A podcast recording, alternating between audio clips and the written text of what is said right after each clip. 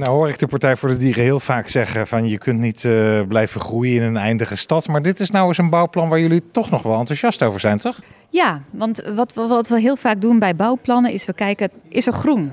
Wat opgeofferd wordt. Hoe is het voor de dieren die daar voorkomen? In dit specifieke geval van de Watergeuskade gaat het om een bedrijventerrein. Uh, er is ecologisch onderzoek uitgevoerd, uh, gekeken naar de flora en de fauna, de planten en de dieren.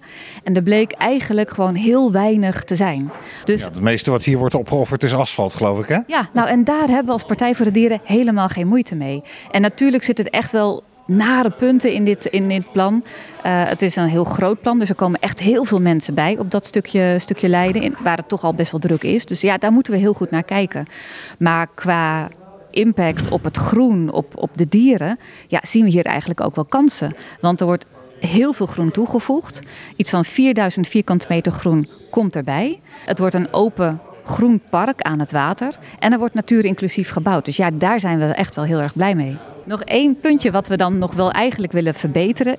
Het wordt nu groen aangelegd. En wij willen ook een voorstel indienen dat het ook groen blijft. Dus niet dat er nog alsnog een heel groot terras wordt aangelegd of zo. Dus daarom komen we met een voorstel dat de verharding niet meer dan 30% mag zijn.